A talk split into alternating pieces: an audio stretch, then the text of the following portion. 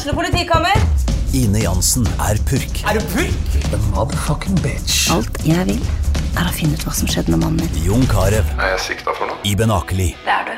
Ole So, Lars Berrum og Big Daddy Karsten. Hvem sin side er du på, egentlig? Anette Hoff, Tone Danielsen, Kommer du fra Afrika?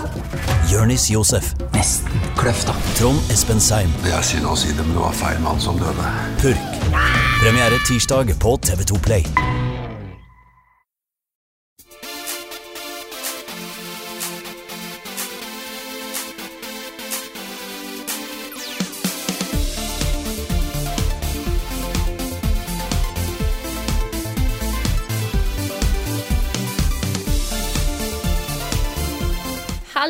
Og velkommen til en ny og helt egentlig ganske vanlig episode av podkasten Level Backup. Med meg Frida Danmo, og med meg har jeg Karl Martin Hogsnes og Rune Fjell Olsen tilbake fra ferie, alle sammen.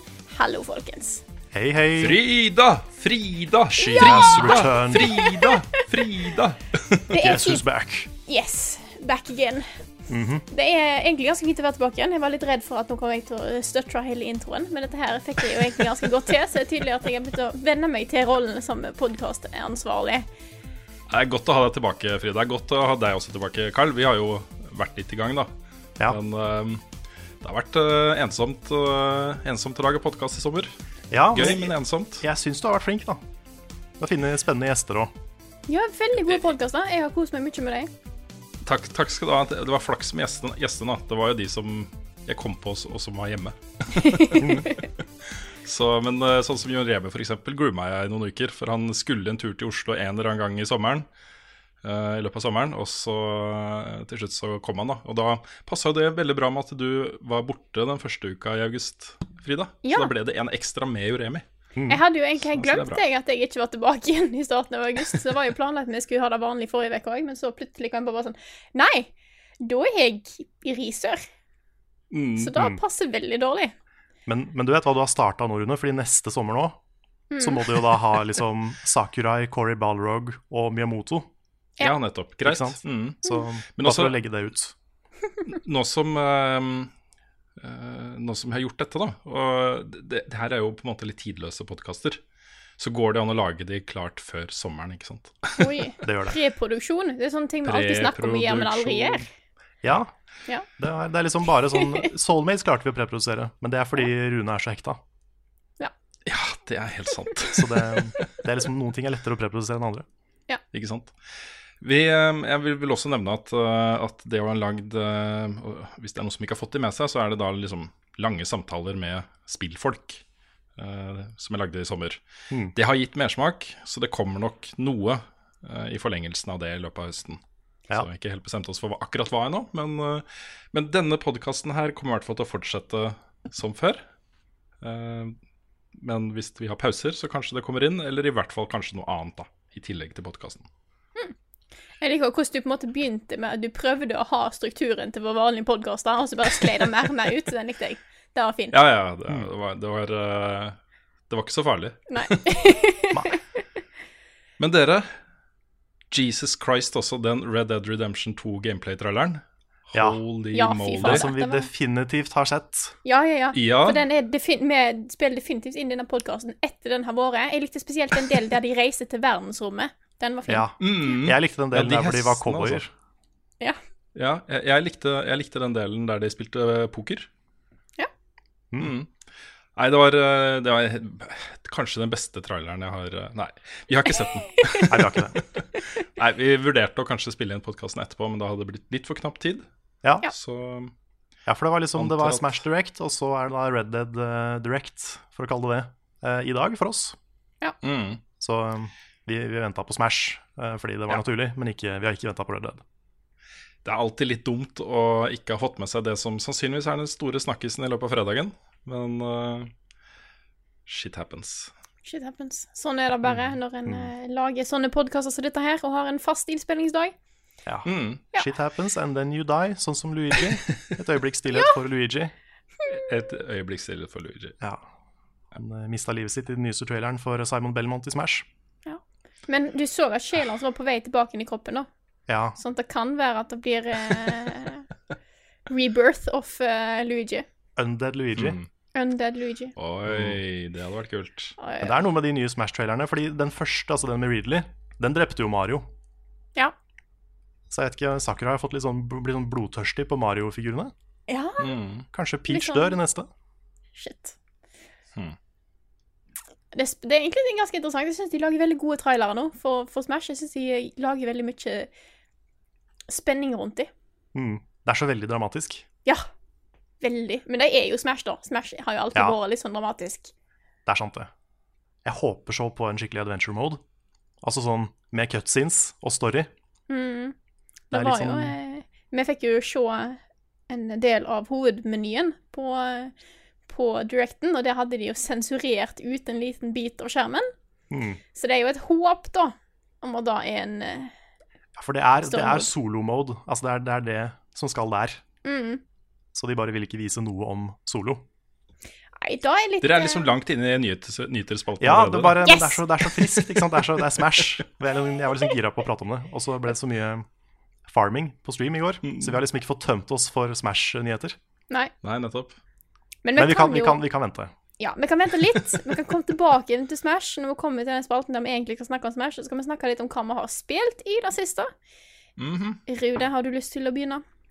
Jeg kan gjøre det. Jeg er jo eh, fullt eh, i gang igjen med No Man's Sky Next, som er den nye store oppdateringen som har kommet der. Og jeg har ikke spilt det. Jeg har ikke spilt noen av oppdateringene. Det kommer én uh, som eh, eh, het Pathfinder Update, hvor du fikk landbaserte kjøretøy.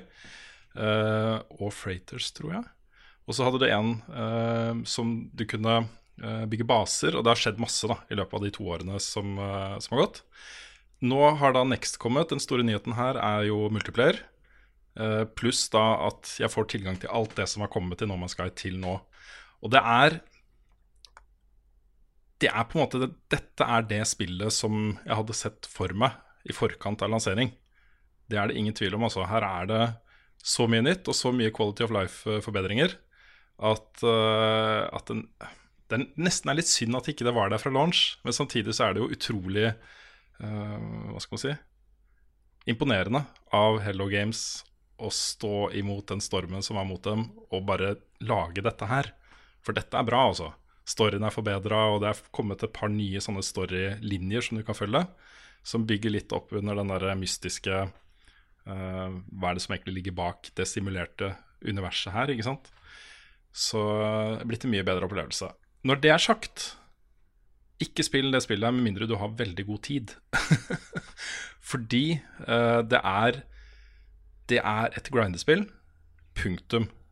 Hjertet i dette spillet her er grinding etter materialer for å uh, lage den teknologien du ønsker, eller bygge den tingen du har lyst på, eller et eller annet. Og det tar så mye tid. Det tar så mye tid. Um, du kan jo lage liksom farming, da. Altså egne gårder hvor du dyrker de materialene du bruker mest. Uh, og da går det jo bare av seg selv. Men for å komme dit snakker vi mange, mange titalls timer uh, investert, da. Så, så dette er et spill for folk som liker å grinde. Det er liksom Subnatica, Minecraft i et uendelig univers, ikke sant? Mm. Um, et sånn chill uh, crafte- og minespill. Ja. Jeg har hørt at det har kommet eh, Griefers. Det har det, vet du. det har ikke skjedd meg ennå. Jeg har skrudd av eh, Jeg har faktisk skrudd av eh, nettverksfunksjonen, for det kan du gjøre i en egen tab i menyen. Okay. Um, det er litt synd, fordi, fordi det gjør jo universet litt mindre levende. Men samtidig så ble jeg litt lei, for jeg var jo ikke sant, bare på en eller annen planet for å finne et eller annet som jeg trengte for å komme meg videre. ikke sant? Og så er det en fyr som bare følger etter meg overalt og snakker i mikrofonen. 'Hello, do you hear me? Do you hear me? Hello, hello.' Wow. og da blir ja. jeg litt sånn forstyrra, så, så jeg skrudde det av i hvert fall eh, til det. Men jeg skal skru det på igjen etter hvert. Og da kan man jo risikere at noen kommer og fucker opp basen din, f.eks. Ja. Det er veldig gøy å være sånn aleine i verdensrommet, og så kommer det en veldig annoying dude og bare følger etter deg. det var sånn, du har hele verdensrommet å gå på, og du velger å være her. Ja. Mm. Plager meg. Bare hallo, hei, hei, hallo, hei, hei, hei, hei, hallo, hei. Nei, men altså, det er jo eh, Dette er jo uten tvil mest morsomt å spille sammen med noen man kjenner. Uh, man kan gå uh, fise rundt og gjøre, gjøre kule ting sammen. Ikke minst så har du jo et permadeath mode, f.eks., og et survival Hva heter det? survival mode, hvor alt bare er ekstremt, og du har lite lagringsplass, og alt er bare dritt, liksom. det tror jeg er kjempegøy, da. Og creative mode. Eh, Å spille sammen med folk man kjenner. Men eh, det er litt sånn måten matchmakinga er lagt opp her, er at hvis du har skrudd på nettverksspilling, så blir du matcha med noen som går inn og har lyst til å matche med noen. Så det er ikke sånn at du blir plassert et tilfeldig sted i universet nå hvis du sier at du har lyst til å spille sammen med noen. Du blir sendt til et sted hvor det er folk, da. Okay. Så, um, så det er ikke sånn helt random at du møter folk. Det, du blir matcha. Eh, og i tillegg så driver de og bygger en sånn galactic hub. et sted, da, en planet og et solsystem og en, eh, et, en konstellasjon av stjerner som, uh, som skal være sånn samlepunkt for folk. Da Da kan man jo gå og claime land ikke sant? og bygge base og gå og besøke alle de andre sine baser og sånt. Men uh, det er jo ikke noe MMO, så det vil jo ikke være tusenvis av spillere samtidig på de planetene. Da vil det vel være instances, tenker jeg. Men det begynner å skje ting. Også det er på vei et sted, og da tenker jeg liksom Hvor ender det? Hvor, hvor ender dette her? Fordi eh, det har så utrolig stort potensial fortsatt. Du kan gjøre hva som helst her, ikke sant? Du kan lage et, en singleplayer campaign som varer i kanskje 10-15 timer, som er bare en, story, en sci-fi-story du følger, ikke sant? Du kan lage et MMO, du kan eh, utvide craftinga, du kan gjøre utrolig mye rart, altså. Så ja. Men jeg tror jeg begynner å nærme meg liksom mett for denne gang. Uh, nærmer meg en anmeldelse, så den kommer uh, så snart som mulig. Hmm. ut. Jeg føler uh, det spillet trenger en sånn Ender Dragon-boss. Ikke sant? Den For det har, har på en har ikke måte det nå, eller? litt det. Den har litt det. Ok? Eh, men det er jo litt sånn også Hvis du, hvis du følger Atlas Path eh, I originalen så var den veldig vag og diffus, og så bare slutta den. I Next, eller det er mulig at det er kommet tidligere, det vet jeg ikke, men det er i hvert fall første gang jeg opplever det, så er det, er det mye kulere sci-fi-story som ligger i den Atlas-pathen. Eh, og store spørsmål er jo hvem er Atlas, ikke sant? Og du får svar på det, mer eller mindre, i løpet av reisen. Eh, og det er sånn, jeg får litt sånn gåsehud av å tenke på det. Det er en veldig kul historie, da. eh, I kule settinger. Så, men det er ikke en boss-boss, men det er en slags endgame, da. Så det er ganske kult. Og den kan du oppleve, den kan du gjennomføre på en 10-15 timer, tenker jeg. Hele Atlas eh, Path. Så hvis du er uh, sugen på en tøff sci-fi-story, så bare gjør det, liksom. Det er kult at de har sånne elementer, og ikke bare uh, gå og grinde på en planet, liksom. Mm. Mm. Det er litt kult første gang du møter uh, Atlas eh, i en sånn Atlas-installasjon. Første ordene han sier, er 'Hello World'. Og det er det samme med de første ordene som ble skrevet på internett. ikke sant? Hello Ja. World. Det var det første vi lærte å gjøre i Java. Ja, ikke sant? Så um, ja. Et lite hint om hvor den historien bærer, tror jeg. Det andre jeg har spilt, jeg skal ikke bruke så lang tid på det, men jeg har testa Inside på Switch. Ja. Ja. Det er fortsatt like bra. fortsatt et av de beste spillene jeg har spilt. Eh, og det flyter så det griner etter på Switch. Det er liksom helt Helt umerkbart eh, hvis det i det hele tatt er noen forskjeller fra de andre versjonene. Så jeg har blitt, blitt glad i Switchen også for den type spill, altså. ja, det er en perfekt indie-konsoll. Mm. Det har for meg blitt en Utvilsomt. håndholdt konsoll, den. Det er veldig interessant.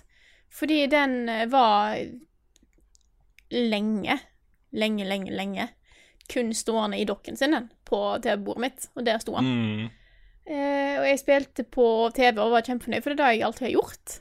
Jeg er en sånn type konsollgamer, og så har jeg begynt å spille på en litt sånn Nå i sommer jeg var på reise, så har jeg ikke kunnet sette ned noe, så jeg kunne spilt håndholdt. Og nå er det bare sånn Nå, nå sitter jeg på sofaen og spiller håndholdt. Det er det jeg gjør. Jeg har ikke orka å koble opp den dokkingen engang. For den har blitt en sånn håndholdt enhet for meg nå. Så det er veldig spesielt. Det er sånn tanken for meg nå å spille du Valley på TV-en. Det bare føles rart. Det skal jeg ikke. Det skal, det skal jeg ligge på sofaen og slappe av. Hmm. Med switchen i hånda. Ja. ja, jeg er fortsatt der at jeg bare spiller på TV. Ja, samme her. Men, uh, Men uh, ja. skal nok ikke mer enn en skikkelig lang reise til før, før det blir noe for meg òg. Og jeg er jo nødt til å sette den i dokken, så jeg kan få tatt opp litt gameplay her eh, snart òg. Så da blir han nok eh, Havner nok tilbake der, tipper jeg. Hmm. Ja, Ja. skal jeg ta over? Ja, du kan ta over. Ja, eller vil du Ja, for nå var jeg på en måte allerede i gang. Ja, men, da, men ta du. Ja, fordi at jeg skulle jo Jeg hadde en stor plan, jeg, på sommeren. Har vært ute av gaming i flere uker pga. masteren. Nå Nå skal jeg komme gjennom eh, spill som jeg ikke har spilt, som jeg burde spille. Og toppen på lista så sto Near Automata. Da gikk i dass. Eh, fordi i den første podkasten første uka jeg har fri, så kommer Rune og lurer på om jeg vil ha Harvest Moon, Light of Hope. Og jeg sier ja. Får det tilsendt, og har jo ikke gjort noe annet enn å spille farmingspill, sier siden da. Jeg har spilt 45 timer med Harvest Moon, Light of Hope. Og så tenkte jeg at når jeg først har spilt da, så må jeg jo teste hvordan det sammenlignes med Stardew Valley, som jeg ennå ikke har tørt å spille, fordi at jeg regna med at jeg kommer til å bli så sinnssykt avhengig av det, fordi at jeg kjenner meg sjøl såpass godt. Det stemmer. Så nå har jeg spilt 30 timer med Stardew Valley. Og da er det jeg har gjort av gaming de siste, siste ukene. Eh, og jeg, jeg har det så gøy. Det var Jeg tror det å gå fra Light of Hope til Stardew Valley er bra valg. For Hvis du begynner på Stardew Valley og tenker ja, la oss teste Harvest Moon, for det er da Stardew Valley er basert på, så blir du så skuffa. Fordi at Light of, eh, Light of Hope er ikke så bra, ass. Det er, det er litt, eh, litt kjipt. Men det som har eh, Det som jeg syns er fint, er at det har sparka min glede til å lage et nytt klassikerinnslag, som jeg jobber med nå. Eh, som blir en, en, et, et stort piece of work, eh, som jeg håper snart klart. Men vi får se, for det er ganske mye gameplay jeg trenger fra litt diverse spill. Nå har det jo plutselig blitt en trend at vi skal ha med flere spill i en klassiker, så nå tenker jeg at jeg jo kan jo gjøre det. Så eh, det blir Takk skal du ha, Carl. Ja, Vær så, så god. så det blir i hvert fall Det blir sannsynligvis tre spill i den klassikerinnslagen, og så litt til. Så får vi se. Så det blir en slags eh, Så bak meg inn en liten anmeldelse-ting av uh, Harvest Moonlight Hope inni der òg, så blir det så det er bare til å glede seg til. Så det er alt jeg gjør nå. Jeg våkner, jeg prøver å overtale meg sjøl til at jeg kanskje skal rydde litt, og så sitter jeg bare og spiller Stardew Valley. Nå fikk jeg en idé til deg, Carl, som du kan få helt gratis av meg. Ok. Oi. Klassikerinnslag av hele Kingdom Hearts-serien, hvor du anstrenger deg for at det skal være mest mulig uforst komplett uforståelig Ja. hva som foregår, liksom. ja det, altså det, Bare hopp, det jeg har tenkt på, er å bare lage en ting sånn til en annen. Ja, eller bare lage en sånn veldig, veldig, veldig komplisert law-gjennomgang. Hvor liksom kanskje, kanskje jeg er lærer, og så er dere elever. Ja. Og så Ja. bare ramser jeg opp masse drit som ingen forstår. Men Nick forstår det. Ja, ja, god idé. God idé. Bedre idé. den, tror Bedre den ideen tror du har snakka om før. Jeg, Ja. jeg, jeg liker den. Jeg er veldig glad i den ideen. Fordi det er Nick liksom han flinke eleven, og så hater dere han da fordi han skjønner det. Ja. Og begynner å stille spørsmål mens dere bare vil videre og hjem. Nei, det, er, det hadde vært en veldig morsom video. Men det må være faktisk law, også det må være faktisk innhold fra spillet. ja, ja. ja, ja. Ja, men det får jeg til. Bra. Jeg, jeg kan dette. Så Det høres bra ut. Mm. Nei, men da tror jeg jeg eh, Altså, vi spilte jo litt Stadio Valley på, på stream i går, med multiplayer. mm. Uh, da på PC. Funka veldig bra, må jeg si. Jeg har kun spilt på Switch så langt, men jeg syns det er like bra på begge plattformer. Så det er bare til å slå seg løs hvis noen er interessert i det. Jeg tror multiplayer skal komme på andre plattformer senere, men det er i hvert fall PC som er først ut nå. Mm. Og det funker bra. Jeg syns det funka veldig bra. Vi drev med farming og fisking og romancing og Mm. Abigail. ja, ja. Abigail. så, Så mens avlinger dør over hele verden, så spirer det og gror på spill, eh, spillfronten, vet du. ja, Det gjør ja, det, altså. Inne, inne i bondespill der. ja, ja, ja. Men det er sånn Jeg har tenkt på det i forhold til deg, Rune. Fordi eh, altså, når du blir så glad i No Man's Sky og sånne ting Det er skummelt hvis du begynner å spille Stardew. Altså. Ja, men jeg er, det er, har ikke den samme appellen til meg. Fordi i No Man's Sky så har du den sci-fi-biten, og så reise ut i universet, som Ja. uh, jeg, jeg er ikke så interessert i å ha noe som er Også til og med Minecraft, f.eks. Hvor du har et liksom uendelig eh, univers å utforske. Når du har gått lei av å bygge på ett sted, så kan du bare reise langt pokkervoll et annet sted og fortsette. ikke sant? Det er mer tiltrekkende for meg enn å liksom bygge en, ett community. Det er mange som plutselig eh, Jeg vet at det var en, en annen her i huset som ikke trodde Stardew var for han. Ja, jeg tror, jeg tror det er fort gjort å tenke det. Ja. Jeg, jeg vet at hvis jeg Jeg har blitt sånn nesten hekta flere ganger. Jeg kjente det i går til og med. Ja. Altså, sånn, å, nå har jeg lyst til å spille Stardew Valley åtte timer til. Ja. Men jeg har liksom alltid stoppa meg før det har skjedd. Det er ikke så dumt å stoppe, nei, at det gir jo ingen andre ting. Det er det eneste jeg tenker på hele dagen. Stardew Valley. Så eh, det, det er på en måte eh, Det var lurt av meg å ikke begynne før nå. Det var et godt valg. Nå har jeg heldigvis tid. Jeg har fortsatt fri i ei og en halv uke til, så Yes. Nice. Mm. Men da tror jeg at jeg har snakka nok om Stadio Valley og farmingspill, så vær så god, Carl. Dette Ja. er jeg spent på, Carl. Veldig, veldig spent. Dette er et Ja, spill jeg jeg har tenkt å spille også. jeg kan også. ta det, det mest åpenbare først. Eh, det er det at jeg har begynt på en ny Let's Play-serie. Som jeg har kalt Hardcore. Ja, det var ikke det jeg snakka om. Men det Nei, jeg vet det. Jeg, vet det. Ja. jeg, kommer, til, jeg kommer til det. Ok. Men uh, bare sånn, jeg skal ikke snakke mye om Kingdom Hearts i podcasten, Fordi nå har jeg en egen serie hvor jeg bare kan gjøre det. Så hvis folk er lei av å høre om det, så don't worry. Jeg er, jeg er ferdig nesten med å snakke om det i podcasten.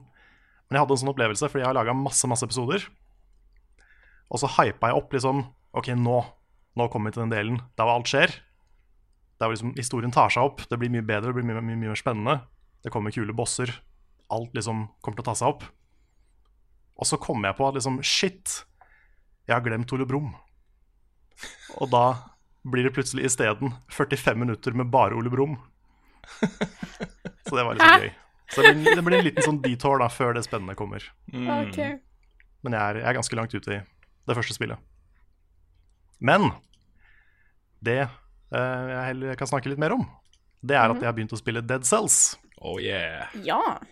Og jeg, er, jeg kan ikke huske sist jeg ble så fort forelska i et spill. Mm. Jeg bare begynte å spille det, og så bare satt det med en gang. Ja. Det Mulig det er fordi jeg kommer rett fra Hollow Nights og ja, sånne ting. Det kan være. Men eh, det bare Det var så smooth. Det var så responsivt, og det bare Det, det funka med en gang. Og eh, det var liksom ikke kjipt å dø fordi du er så innstilt på det. Og du blir jo sendt tilbake til starten, men du får beholde noen ting. Du får en sånn følelse av progresjon selv om du må begynne på starten hver gang. Mm. Men er det, er det eh, autogenererte verdener hver gang du starter på nytt? Ja. Ja. Så det er eh, Det er tilfeldig åssen alt ser ut. Og det er et 2D Metroidvania Ja. med, med rogelike-elementer. Ja. Og hashtag litt sånn sånn Dark Souls. Ja. Det, ja. Ja. Det er, det, det er liksom det er, det er litt av det. Mm. Jeg må, må si såpass, for det er jo Jeg syns det er gøy at hver gang med det er et spill noe som har et combat-system som går på, på parrying og dodging og sånne ting, så er det, sånn, det, er, det er Dark Souls. Mm. ja, Men det er litt mer her, da. Fordi det er også den samme måten å fortelle historien på. Mhm. Ah, okay, Og det er en del er sånne ting. Da er det faktisk greit å si hashtag litt sånn som Dark Souls. Ja. Ja.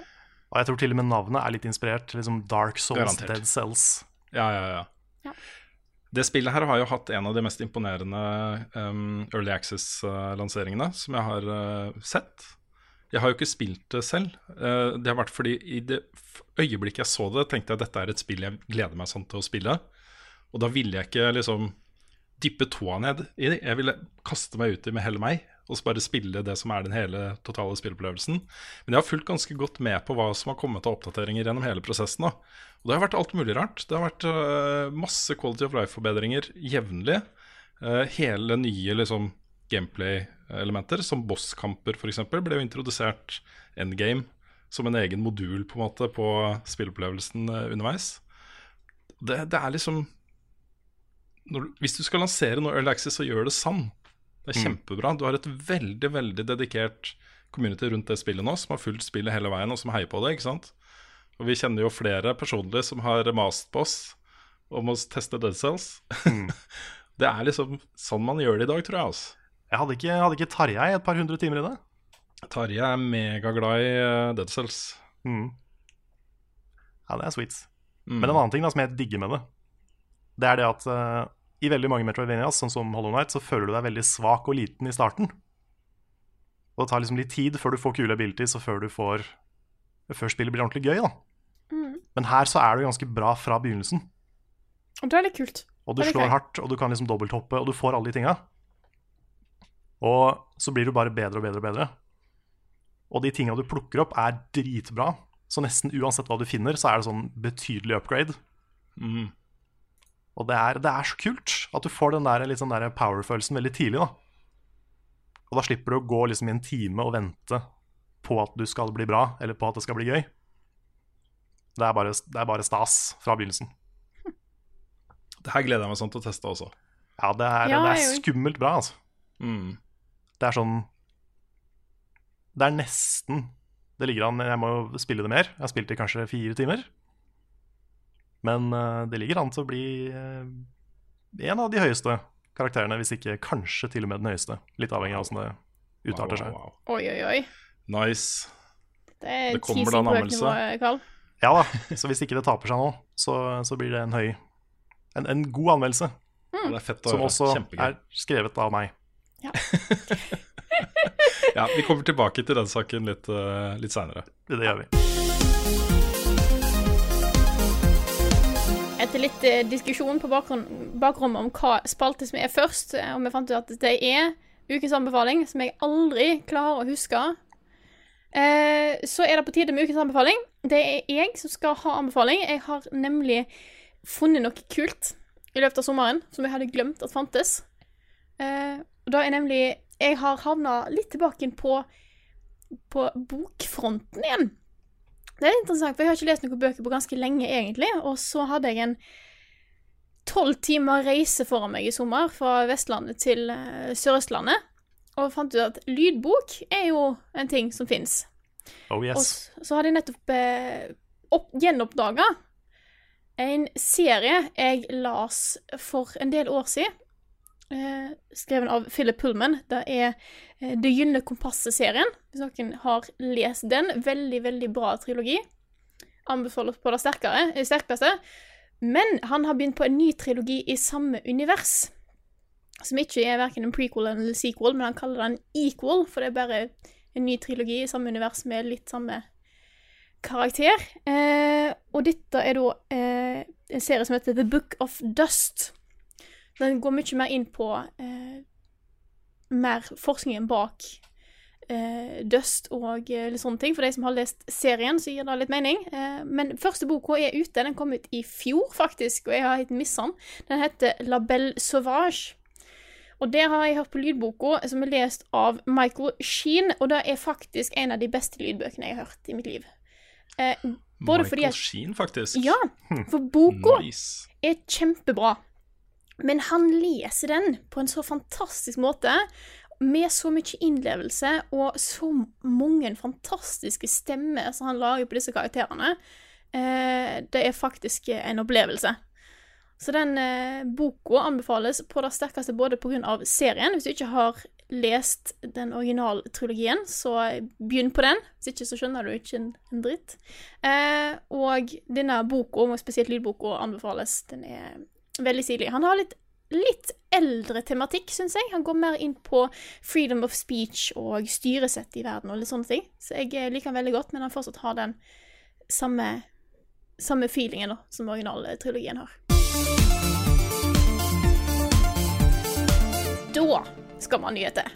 Nå har jeg endelig fått litt eh, orden på, eh, på rekkefølgen her. Så Rune, vær så god.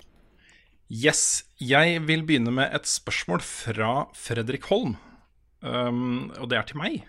Og han spør Her er det veldig mange spørsmålstegn i det han sier, så dere får forestille dere alle disse tingene her med mange spørsmålstegn. Han er tydeligvis gira. Hva syns du om den nye delscenen til Destiny 2? Er du skikkelig gira? Mange ting som folk har etterspurt lenge, kommer endelig. Ser veldig lovende ut. Grunnen til at jeg tok det spørsmålet først, er at uh, denne uka her så slapp, uh, uh, slapp Bungie en ny trailer uh, som viser fram det nye endgame-området i Forsaken, som kommer 4.9. Uh, Dreaming City. Og den traileren, det er noe av det beste jeg har sett. Og ikke bare fordi jeg er glad i Destiny, for jeg er ikke så glad i Destiny som jeg var før. Nå vil jeg, også Hvis ikke det er bra nok, så lar jeg være å spille det. Um, men den, det ser så bra ut. Det ser så fuckings bra ut. Og alle de endringene som Fredrik snakka om her, er sånne type quality of life-forbedringer som gjør spillet mye mer actionfylt. Um, det fjerner liksom alle den seigheten som eksisterer i Destiny 2 i dag, og lager et mye mer uh, et kjappere, mer underholdende spill. da Mer heftige supre, kortere cooldowns, um, tøffere exotic våpen osv. osv. Så, videre. så ja, nå, nå, ja, Fredrik, jeg er megagira, og den traileren der er uh, vel verdt å se, altså. Og det er liksom Det ser ut til å bli enda hakket Hakket mer fett enn det Taken King var for Destiny 1. For det, det var jo liksom det store som skjedde i Destiny 1, var jo Taken King. Og Forsaken er tydeligvis det også, men det ser bare helt kriminelt bra ut, altså. Jeg vil bare si at uh, mens Rune sier dette, her, så sitter han med Destiny-T-skjorta med The Taken King på. Ja, det er faktisk helt tilfeldig, fordi T-skjortene mine ligger bare i en bunke, så tar jeg den som ligger øverst. Så, um, Ja så det, det var, Men plot twist, alle er Destiny. Jeg har, to Des jeg har tre Destiny-T-skjorter. Uh, ja, jeg har tre Ja. Destiny-T-skjorter. Jeg. Jeg tror du fikk en av de av meg. Det stemmer nok. Mhm. Så, men det er jo en ny T-skjorte man kan kjøpe nå, i den derre Solstice of Heroes som pågår. Det tror jeg ikke at jeg kommer til å gjøre. Jeg tror ikke jeg kommer til å fullføre det eventet engang. Det er liksom Ja. Jeg er klar for Forsaken. Ja. Skjerpings Bungee, når Rune ikke gidder å kjøpe T-skjortene deres. Ja, Da. ja, da Da har du fucka opp. Nei, plutselig i dag så har jeg, får jeg ånden om meg. Det er så mye grind for å komme dit. Eh, og det har vært gøy, det jeg har spilt av, eh, av eh, Solstice of Heroes så langt. Men uh, det er så mange andre morsomme ting å gjøre. Greit. Jeg har en veldig kul nyhet om et spill som vi har vært litt kritiske til i forkant, og som vi fortsatt har lov til å være litt kritiske til. Vi er spente på hva dette spillet her faktisk blir. Shadow of the Tomb Raider. Det får Det her er så fett. Det får en eh, eh, vanskelighetsgrad innstillingsmulighet som gjør at du kan ha forskjellige innstillinger på uh, puzzles, miljønavigering og combat. Ah, ja. Det betyr Oi! at du kan sette combat til kjempelett ikke sant? og miljønavigering til kjempevanskelig. Så får du ett type spill. Um, og det er Hvorfor gjør ikke folk det? Det er jo så dritbra. Jeg Det er- tipper at det er er jæklig vanskelig å lage. Du må ha sikkert Miljønavigering. Parametere. Ja, det kommer, kommer an på hvor, hvor mye det forandrer altså sjølve landskapet. da Mm. Det kan hende det bare er liksom hvor mange prompts du får, eller Hvor mye stamina du har. Ja, Ja, sånn ting. kan du være, ja. Ja, da er det egentlig det- Vet du hva, det er ikke en dum idé, altså. Nei, det er en veldig, veldig god idé, og det er eh, ja, kjempebra. Du har jo en, eh, den høyeste vanskelighetsgraden, som jeg ikke husker hva heter i farta. Um, der er alt stilt til maks. Der får du ikke mulighet til å justere. Men på alle andre vanskelighetsgrader så kan du sitte og bare fikle med de selv. Og, um, og det er liksom Ja, det, det viser jo eh, litt forskjellen på de som er glad i den serien, tror jeg. Fordi jeg, jeg vil ikke ha så mye combat i Tomb Raider, jeg. Nei. Eh, Jeg vil ha puzzles og miljønavigering. Det er det jeg er mest gira på der. Så ja, en fin innovasjon eh, der, altså. Absolutt. Absolutt. Og mens vi er inne på ting som jeg liker, God of War får New Game Plus. Det var Yes. vel når, når var det det var? Det var, det var, Var det 20. august? 20. august, det, det stemmer nok. Eh, leste og det er um, Den ene tingen jeg har lurt på, er hvorfor skal man gjøre det hvis man allerede har runda spillet på Give me God of War vanskelighetsgrad, som noen av oss har? Ja, det er jo en som har det. I den podkasten her har runda God of War på Give me God of War vanskelighetsgrad. Ja, Ja. Mhm. stemmer det. Da har det glemt. Eh, og det er da, det er da uh, to ting. Det ene er at uh, fiendene blir tøffere. En, og så spiller du på Give Me God of War, så er de enda tøffere enn det de var på Give Me God of War. Noen av de får nye uh, moves og angrep. Um, så utfordringen i seg selv blir tøffere. Den andre tingen er at det kommer helt, et helt nytt armor-sett, eller flere sett. Du kan crafte din egen armor i New Game Plus. Da blir det liksom Det er noe Det er noe som er interessant å gjøre mens man holder på med dette her. Mm. Så ja. Det blir nok én runde til på meg, da, med andre ord, før, uh, før året er over. ja. Nei, altså, jeg tar nok en runde til. Jeg har bare spilt det én gang, så Mm. det er en fin anledning til å gå tilbake til det. Absolutt. Og så har jeg bare skrevet Smash. Ja, for nå har, er alt som Nå har du først tatt alt som du er interessert i, Mm. og så setter du over til oss. Ja. Smash, ja. Da var det en fin direct, skal jeg si. Det var det. Ja. Det var sånn, jeg, jeg har så veldig sansen for den måten Altså han Sakura er jo bare for det første veldig sånn chill. Han bare sitter der og bare sier ting. Men alt han sier, er jo alt det alle vil ha. Ja. Så han, han sitter der sånn helt stonefaced og bare Vær så god, vær så god, vær så god, vær så god. vær så god Og det blir bare kulere og kulere og kulere. Og så har de de derre De der søylene som de brukte, syns jeg var veldig morsomme. Ja, for å sammenligne hvor mange karakterer det var, hvor mange maps det var, og hvor mye Ja. Mm. Hva, hva var det? Det var banene de viste først, når de skulle sammenligne med alle de andre spillene. Ja, ja, for det var sånn åtte baner, og så var det noen sånn 20 baner, og så Ja. var det sånn 40 i neste spillet, og så var det sånn kanskje 50. Ja. Og så kommer den søyla som viser det nye spillet, og så er det sånn Å, stopper den på 60? Nei. Og så sprenger søyla og bare pff, opp i lufta, og bare shit, over 100 baner! Så det er veldig, plan- veldig ja. dramatisk. Og så skulle de vise fram eh, hvor mange eh, soundtrack det var da, i Ja. spillet. Og så var det, var det en sånn counter som gikk oppover, og så begynte han liksom dabbe litt av på sånn 460, og så bare sånn Nei, 800! så over 100 baner, og 103 baner, Mm. som alle kan ha eh, Kan accommodate for åtte spillere og ha en Omega-form. Eh, over 800 individuelle soundtracks som ikke er ekstra soundpack-greier. Og eh, spillet kan funke som eh, Du kan lage spilleliste med musikken til det. Og musikken kan kjøre i bakgrunnen mens du skrur av konsollen, så du kan bruke den som en musikkavspiller hvis du tilfeldigvis har med deg switchen ute. Jeg føler liksom Smash blir mer og mer en sånn der feiring av spill. Ja. I hvert fall Nintendo, men også litt andre ting. Hvor du har liksom synes- Du har en massiv samling av musikk fra spill, og du har en haug med characters. Og det er bare en sånn der eh, fest, liksom. Mm. Jeg syns det er litt morsomt at den første musikkavspilleren Switchen får, er Smash. Det er, Men eh, det er ikke, Jeg vet ikke om jeg kommer til å bruke det så mye som en som en sånn type musikkavspiller, men det er jo greit å liksom lage ei spilleliste, så kan du sette den på, så har du noe som går i bakgrunnen, sant? Det er Mm. egentlig ikke så dumt. Jeg ser det, jeg ser det kommer en eh, special edition av Switch også, med GameCube-kontroller. Riktig. Jepp. Mm. Det, det må man ha. Men det ble jo vist uh, Hm, jeg fortsetter. Nei, jeg var ferdig. Det ble jo vist fram et par eh, nye karakterer. Dette var jo fra Castlevania-serien. Det var da vel mm. to? Ja, det var eh, Simon Belmont og Richter Belmont. Som uh, Egentlig det er nesten litt rart at ikke de har kommet før. Fordi de var, de var liksom så kjente fra NES helt tilbake der. Mm. Så det at det, det tok fram til Smash 5 før de kom, det var litt uh, spesielt, egentlig. Og så var det vel òg et par andre sånne clone-karakterer som òg ble vist fram. Eh, Ja. Jeg husker ikke hvem det var, da. Det var Crom fra Fire Emblem. Ja. Enda flere Fire Emblem. Ja, veldig mye Fire Emblem. trenger vi flere Fire Emblem-karakterer nå? Det er så populært i Japan, vet du. Sikkert Ja, det. det er det. Det er det. Og hos Nick. det ja. Så mm. Og så var det jo King K. Rule. King K. Ja, Rule. Han ble- jeg, han er jeg venta på. Det er jo så typisk at du har en- helt eller to fra et spill, og så bad guyen, ikke sant? mm. Men Donkey Kong bad guyen har jo bare ikke dukka opp. Men nå er den med.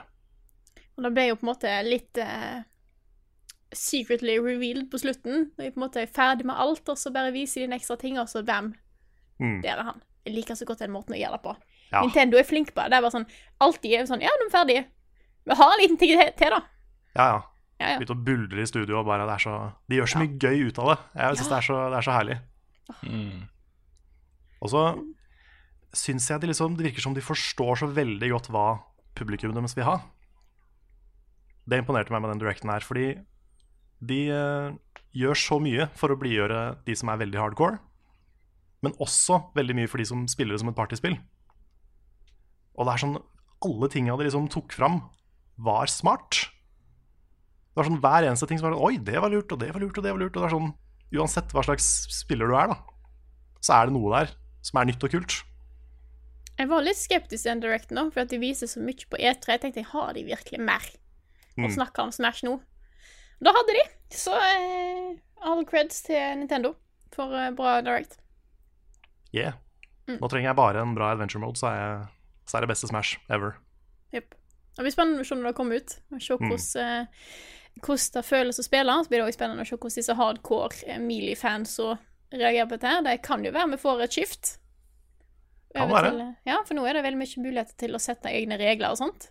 Mm. Så eh, vi får se. Ja, det, det blir- er jeg litt spent på. Altså, om noen spill noen gang kommer til å klare å dethrone Melee på det der. Nå som vi tar eh, og begir oss ut på ukens spørsmål, så skal vi litt tilbake til en annen sak som vi hinta litt om tidligere. Eh, men først så kjører vi vignett for ukens spørsmål.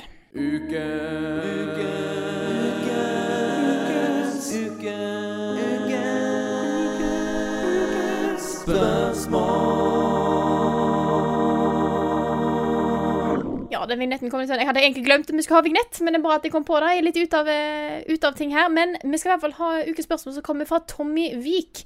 Han spør hva tenker dere angående at Philip eh, Muchin jeg, jeg kan ikke uttale navnet der. I IGN har plagiert en YouTubers spillmelding av Dead Cells.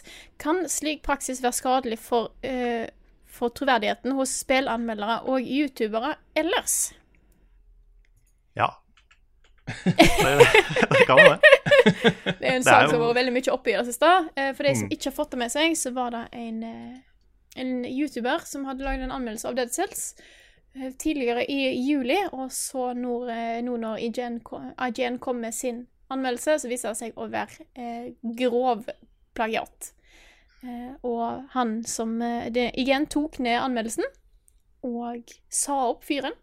Og skal nå komme, har kommet med en egen unnskyldelsesvideo og har kommet med en egen ny anmeldelse av, av Dead Cells. Det er jo en ganske stor sak, dette her, for IGN er jo en av de største på anmeldelser i verden. Eh, og at noe sånt skjer, er jo forferdelig. Mm. Mm. Han fyren her, jeg vet ikke om det er en uh, gutt eller jente. Han uh, hadde bare ett navn. Miusin, eller Miukin. Ja, Filip Miukin. Philip? Å ja, ok, greit, det var et uh, navn, fornavn der også. Ja. han har jo anmeldt tidligere, og det er jo avdekka plagiering fra tidligere anmeldelser han har gjort også. Oi. Eh, men han har jo hatt et lite publikum. Altså, det har jo ikke vært noe eh, så lett å oppdage, da. Og jeg skjønner ikke at han tør, rett og slett. Nei, jeg syns det er veldig rart. Med tanke Ja. på hvor svært IGN er. Greit at kanskje ikke han fikk så mange views, men det å likevel plagiere en annen som har et publikum, det er jo for det første utrolig kjipt for alle som jobber med spillanmeldelser og for publikum og alt, men det er også utrolig dumt. Ja. Det er jo sånne ting som er vanskelig å oppdage når du har det i video. sant? Hvis du har det i tekst, så kan du kjøre en, på en måte, text search med en plagieringskontrolleringsverktøy og finne ut ok, ligner dette på andre ting. På video er det vanskelig. Da er du nødt til å ha sett den spesifikke kilda. Eh, Så jeg skjønner at det, er for van det har vært vanskelig for IGN å oppdage dette her før youtuberen eh, dette gikk ut ved denne gangen, sa ifra sjøl. Mm. Ja, for- Jeg, jeg ser um, veldig mange tar det her som enda en sånn grunn til å hate på IGN. Uh, jeg synes For meg så blir det litt feil. Ja. Fordi uh, Greit nok at redaktør har ansvar for sånn og sånn, men det er umulig å se hver eneste YouTube-video av, en- av et spill før du godkjenner en anmeldelse. Ja. Mm. Det er det ingen redaktører som har tid til. Nei, det går ikke. Det går ikke. Og, og selv i lille Norge så har vi hatt flere saker uh, i nyere tid. Fra svære aviser, DN og sånne ting, hvor, uh, hvor skribenter har blitt tatt for plagiering. Mm. Det er um, Det er toppen Hva skal man si Toppen av latskap som journalist. da Å bare ta en annens tekst Mm. og kalle det din egen. Ja. Og så er det jo litt, kanskje. mm. Ja, Så er det jo et veldig grovt tillitsbrudd mot alle du jobber med. det er det. Og spørsmålet blir jo har han spilt spillene som han anmelder. Kanskje ikke. Um, jeg synes Det var litt funny det, Egentlig det morsomste, men, eller det morsomste Det mest interessante med den saken her var å lese kommentarfeltet på Kotaku og sånne ting til den saken. Hvor det kommer inn uh, lærere fra college og sånne ting som sier at det er akkurat sånn elevene holder på. De tar en tekst, og så bare endrer de liksom noen ord. Mm. Og så later det som det blir. ikke sant? Men det, dette handler jo ikke bare om eh, om ordene. Det handler om eh, formuleringer, om, eh, om syntaks, om setningsoppbygging, sånne ting, liksom. Um, og eh, det grunnleggende her er jo at man presenterer andres ideer og eh, innhold som sitt eget, ikke sant. Så ja. Det er ganske dust. En annen ting som jeg syns har vært litt, eh, litt interessant her, er, eh, og som kanskje har litt mer hva skal man si, vidtrekkende konsekvenser, det er jo at det han har plagiert, er jo ikke akkurat rocket science, liksom. Altså, det er ganske hva skal man si, banale formuleringer. Og, og ting som er Jeg snakka litt om det oss imellom tidligere, liksom, men det å si ting om spill er ikke så lett. og det er liksom Man ønsker å være eh, original og kreativ med hvordan man formulerer ting og sånt. Men det er så mange sånne standardfraser når man skal beskrive et spill. Og det han har plagiert, er jo bare det. Sånne standardfraser. Så Hvis vi går gjennom teksten, så er det jo ikke noe original tekst engang. Altså, det er ting som kunne ha stått nesten hvor som helst. Så um, egentlig så det jeg henter ut av dette her, er bare et enda sterkere ønske om å jobbe mer med tekst. Jobbe mer med formuleringer og, uh, og argumentasjonsrekker og sånne ting. Fordi eh, jeg syns det er litt flaut. At uh, liksom den type formuleringer går igjen og går igjen og går igjen overalt. da. Det blir en liten digresjon, dette her, men jeg merker da at når jeg- når jeg ser andre youtubere lage innhold om spill, eh, enten essays og sånne ting, så, så, så blir jeg så inspirert av å liksom endre på den standardformulaen som jeg på en måte har, har fått til meg. da. Blant annet eh, så er jeg stor fan av han som kaller seg Videogame Dunky.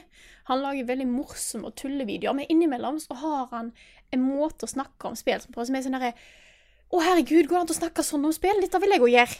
Sånn at du, du, du blir litt sånn Du har litt lyst til å komme vekk fra disse standardfrasene. sant? Og hvis det, hvis det er sånne kreative videoer som blir plagiert, så er det én ting, men når du bare plagierer disse vanlige tingene, sant? så er det litt sånn Ja, du har virkelig ikke lagt inn noe innsats her heller, nei.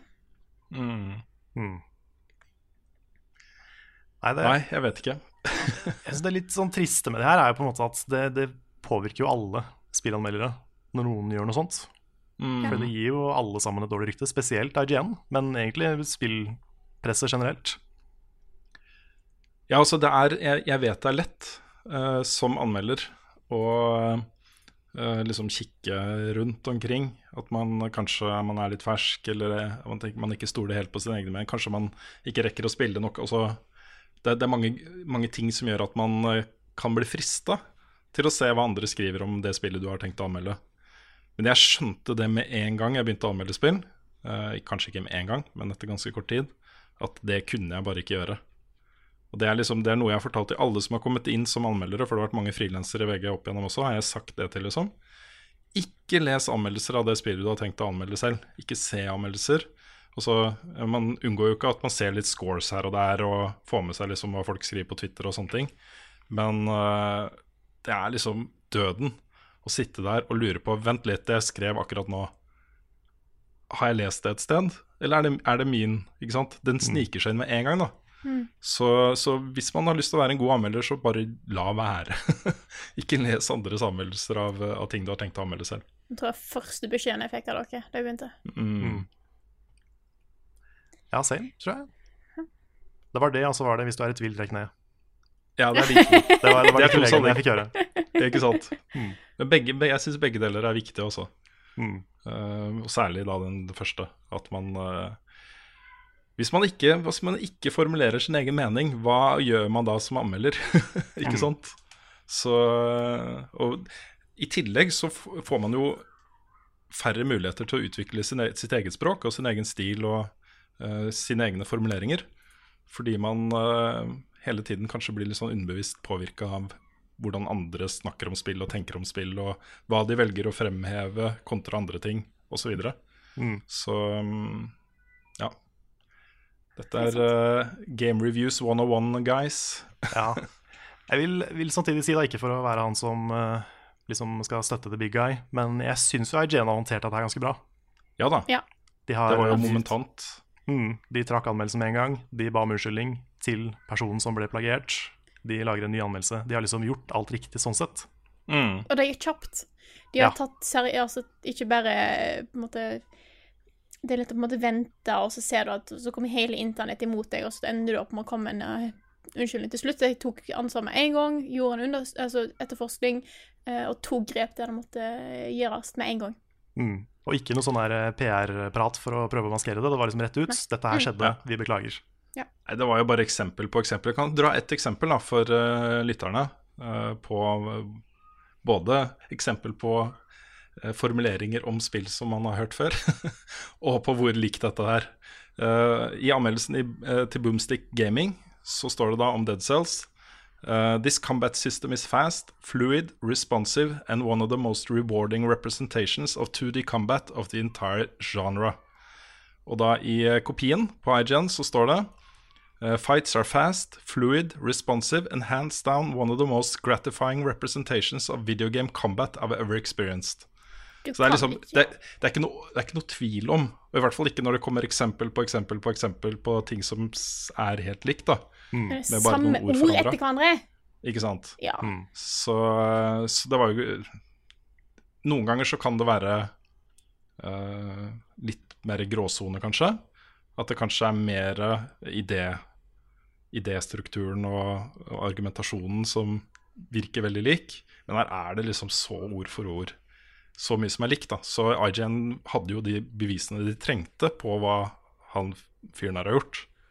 Og da må man jo bare pang, slå, slå hardt til med en gang, altså. Mm. Yep. Det er helt sant.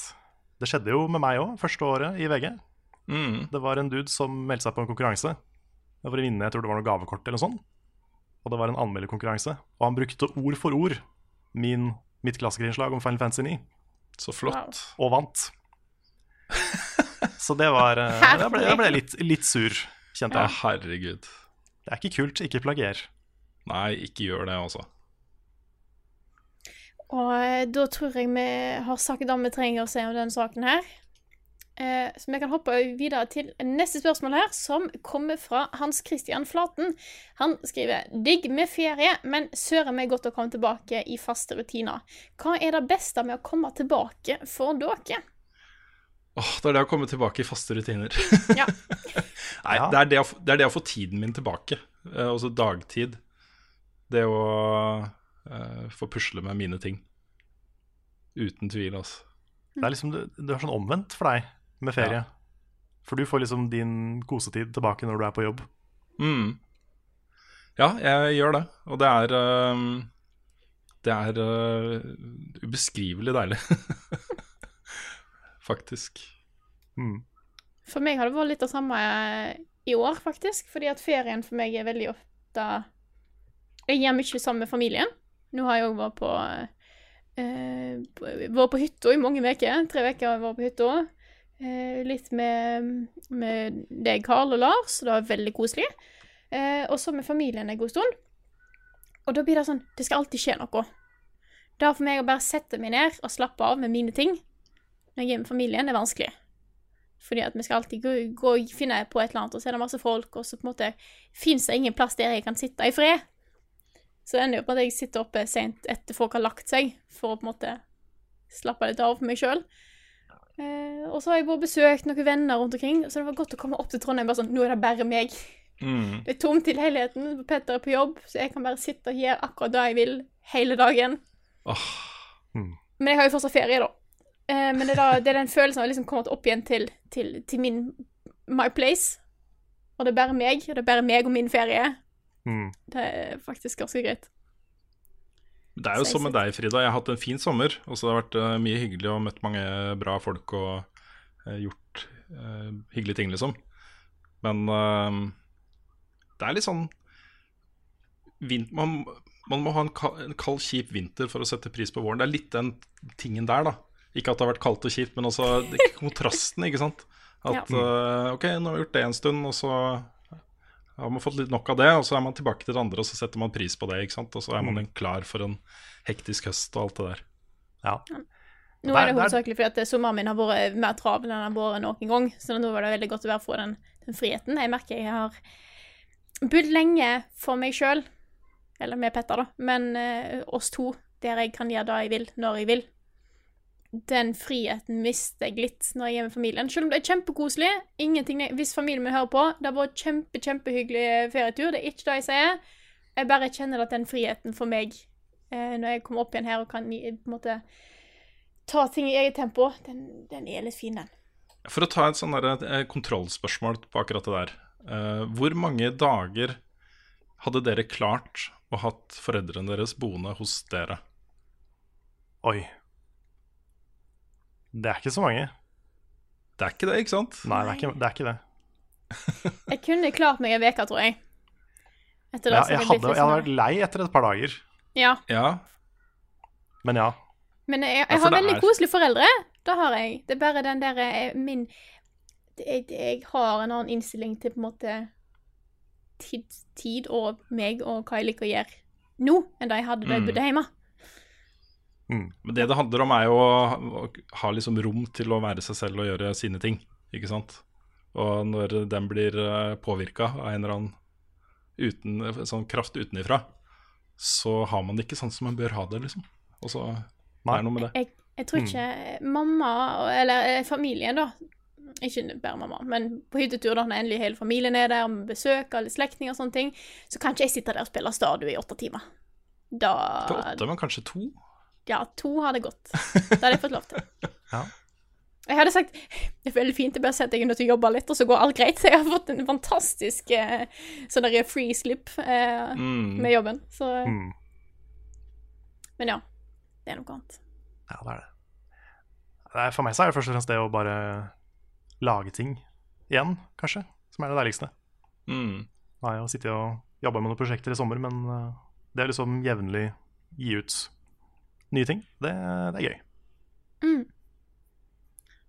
Oh, det er det. OK, da kan vi hoppe videre til litt Altså, jeg vet ikke hva Jeg husker ikke helt hva sommerspørsmål og sånt dere gikk gjennom forrige gang, så, men vi tar det en gang til, for nå er jeg her.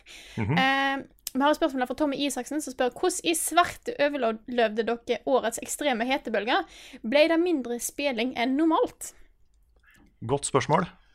Godt spørsmål, ja. Nei, eh, Nei. Det, første, det første jeg gjorde, var jo å flykte til eh, Vestlandet. Ja. Med Frida og Lars. Det var da mye bedre temperatur. Det var Det var en det. dag der det var så varmt at vi bare fortsatt bare lå inne og visste ikke hva vi skulle gjøre. Uh, men det var bedre temperatur, det. Mm. Ellers uh, har jeg bare kjørt på fullt på aircondition. Blæsta den i ansiktet mitt til jeg Mirakel at ikke jeg ble forkjøla. Men eh, den, har, den har vært en god investering i år. Ja, det vil jeg tro. Selv om den er stor og stygg og klønky og vanskelig å flytte, så, så er den veldig fin. Mm. Jeg skulle gjerne hatt aircondition. Det har, det har nok blitt litt mindre gaming. Uh, men det er man, Jeg har liksom opplevd så mange ganger, sånn på kveldene og, og sånt, at jeg har sittet og spilt en times tid, og så oppdager jeg plutselig Men, men jeg er gjennomsvett. Og liksom Mm. det, det renner svette fra hodet, og det er liksom Jeg må gå og skifte T-skjorte, liksom. Det er ubehagelig. Man, det, Ja. det er, man orker ikke det så lenge om gangen. Altså. Nei, det er ikke så ofte det renner svette. Nei, ikke sant? Nei. Det er ekkelt. Ja, det er ikke noe gøy. Nei. Så, men på eh, flipsiden av det, da, er at eh, altså, jeg er ikke så Jeg er ikke, jeg er ikke sånn derre som skal hoppe i vannet med en gang man kan, liksom. Eh, men jeg er Når det er så varmt, følelsen av å hoppe ut i et vann som er kanskje liksom 20 grader, er den beste følelsen i fuckings verden. Det er, det er så digg. Det er så deilig. Du har gått hele dagen og bare vært Det har alltid vært kjipt, liksom, for du har bare vært klam og svett, og det er varmt, og du kan ikke være i sola, for du har blitt solbrent, og alt det der. Bare ute i vannet og bare Åh, oh, det er digg, altså. Det er helt sant. Det var jo Jeg har jo sluppet unna mesteparten av det her, faktisk. Jeg var jo en tur på Østlandet eh, tidlig i juli. Da var det jo ganske varmt. Men det, det gikk. Vi overlevde. Så flykta jeg til Vestlandet og var der i noen uker. Der har vi hatt ganske greie temperaturer. Ikke opp i sånn 30 grader som dere har hatt på Østlandet, så egentlig vært veldig fint. Fin temperaturer til å bade litt, og ellers bare ha mulighet til å overleve. Eh, Så skulle jeg jo dra til Sør-Østlandet, der jeg visste det hadde vært nok, altså 30 grader ganske lenge. Og den dagen der skulle jeg meldt liksom Nå blir det kanskje heterekord i Oslo og alt dette her. Da satt jeg på en buss med fantastisk aircondition i tolv timer og bare Det var nesten litt kaldt, for jeg var jo kledd til kjempevarmt. Og så var det Var det den fredagen, Frida? Ja. Vet du hva, det her er litt funny. Eh, Fra forrige uke, så jeg nevnte det forrige uke. Samme dag så satt jeg nesten tolv timer i bil ja. uten aircondition med 34 varmegrader. ja. Når du sa det, for jeg hørte på en podkast med sånn Å, herregud, det må være for jævlig, faktisk. Ja, ja, det var det. Åh, Jeg nei, satt så- ikke i bilen i tolv timer, da, men uh, det, turen tok tolv timer. Nei, jeg satt i uh, bil i ti, tror jeg. Mm. I buss. Med god aircondition, så det gikk helt fint. Og så uh, var det jo plutselig meldt litt kjøligere den uka, så jeg var på Sør-Østlandet, så det var egentlig veldig fint. Det var ganske sånn bra sommertemperaturer, men ikke sånn døden. Og her i Trondheim så er det jo ikke sånn spesielt varmt, det var sånn 17 grader, så jeg har egentlig sluppet unna hele hetebølga. Jeg hater deg litt nå, Frida. Går helt fint. Yes. Spørs om ikke du må kjøpe en aircondition du har, Rune. Ja. Vær tidlig ute kjøp den i, kjøp den i sånn april. Mm, januar. Ja, Ellers så kommer det til å koste så mye. Mm. Ja, januar, det er safe. Nei, det er, kan jo hende at uh, det blir sånn hver sommer nå. Hvem vet? Så Could sikkert ikke så dum investering. Hei, sant. Men vi Jeg får litt, sånn der, litt den derre uh, tegneseriestripa av hunden som sitter i et rom som brenner. Med Ja. en kopp kaffe. This is fine. This is fine. Yeah, this is fine. Mm. Jeg liker den. Men vi hopper videre til neste spørsmål her, som kommer fra Tarjei Chun, eh, kaptein Zalo himself, Himself. Som har gitt oss et reisedilemma. Aldri mer båt eller aldri mer tog? Oi. Hmm. Nei, da tror jeg jeg ville valgt bort båten. Ja, jeg er enig. Jeg tenkte på det. Problemet er at da sliter vi litt, for da kommer vi ikke ut til hytta. For der må du ha båt. Kan lage tog til hytta, da. Tog Hallo! Kan jeg liksom bare lage tog til hytta. Ja, ja, ja. Da må du først bygge en bro over Tøya. ja. Og da har de prøvd på i mange år, så det har de fortsatt ikke fått til. Så jeg tror ikke Jeg har, jeg, jeg har lyst til å velge bort båt, bort båt, men da sliter jeg litt, for da på en måte Da funker ikke Vestlandet, egentlig. Så Nei. jeg må nok velge vekk eh, tog. Ha. Da må du ta fly til Oslo, da. Eller buss. Eller buss. Eller buss. Hmm. Kunne tatt buss. Det er egentlig ikke et problem. Jeg vet ikke om dere har sett det, da, men uh, det her er jo da uh, sønnen min som kjører båt. Oi! Hei. Og meg, da. Ja. I sommer. Og det, det er jo kjempegøy å kjøre båt, og sånt, men vi har jo ikke båt. Vi har ikke fri tilgang til båt heller. Så det blir lett for meg å velge bort den også. Hmm. For Kommer dere, ikke, for dere som hører på, Rune viste oss nettopp et bilde av eh, ferie, feriebåt. Fra den svenske skjærgården utafor Stockholm. Og sønnen min bare hviner av glede. Ja. ja, altså Båt er jo en av de eh, transportmetodene jeg liker best, egentlig. Mm, helt enig. Det er så deilig å være på båt. Det er det. Spesielt båter som har taxfree og sånn. Det er gøy. Men uh, jeg er jo mer avhengig av tog enn båt. Mm. Jeg har lyst på båt, da. Jeg har bare ikke lyst på øh, å vedlikeholde den. Men det er litt drømmen. Å ha en båt. En fin hørte, båt, liksom. ja, jeg hørte et utsagn her eh, kom fra min eh, svigerfar, som sa at eh, en båteier er glad to ganger. Det er når han kjøper båten, og når han selger den. Ja. Men Ja, vi men har jo altså- båt. Vi har jo en skjærgårdsjeep eh, okay. som er fantastisk eh, å ha på, på Vestlandet. Den er veldig fin. Den er oppgradert eh, fra vår ei sånn lita sånn jolle med 9,9 hester på, som vi ikke kunne bruke så veldig mye. Eh, så vi er fornøyd. Suser litt rundt i eh, vestlandsfjordene. Det er good shit. Mm. Jeg har litt øh, sans, jeg har sansen for sånne vannaktiviteter. Stå på vannski og sånne rumperister og sånne ting. Ja, det har veldig kult å ha det, altså. Mm. Kanskje en uh, egen sånn docking til jetskis og helikopterpad på toppen, Å, eksempel. du skal ha så stort, ja. Ja, ja, ja, det er altså Jeg tenkte en sånn liten eh, koselig båt jeg, som kunne gå litt fort, men det er greit. Ja, Jeg da ville jeg heller brukt, heller brukt pengene på å teste sånn der eh, hydropack. Ja. De ser kule ut, altså. Det gjør det. Jeg hadde, Jeg hadde brekt ryggen, men uh, de ser kule ut.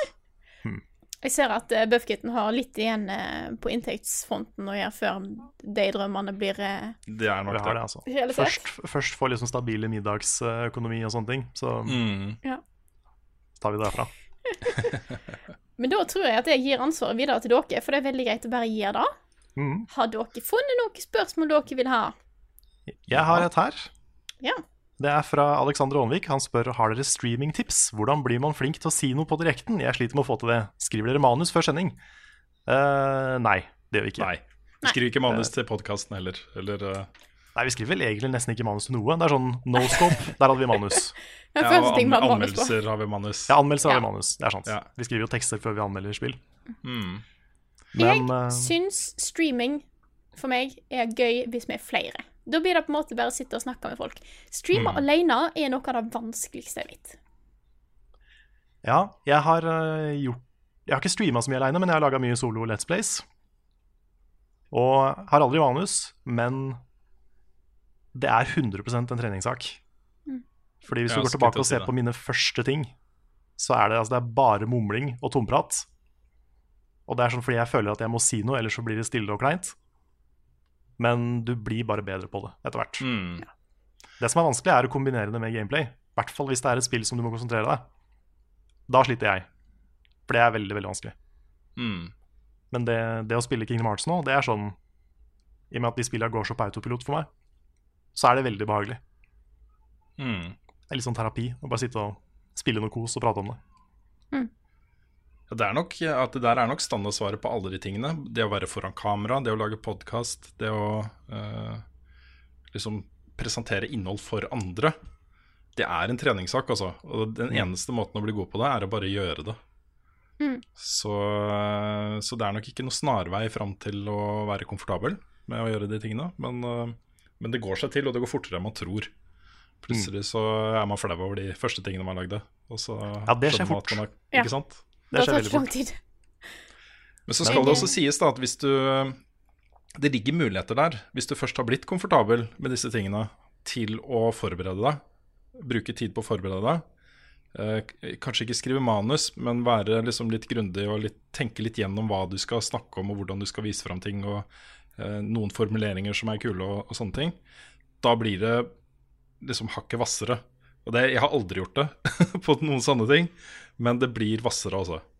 Um, sånn podkasten her, så hender det at jeg lager noen sånne notater på ting. F.eks. den der tullinga med Red Dead Redemption 2 i starten.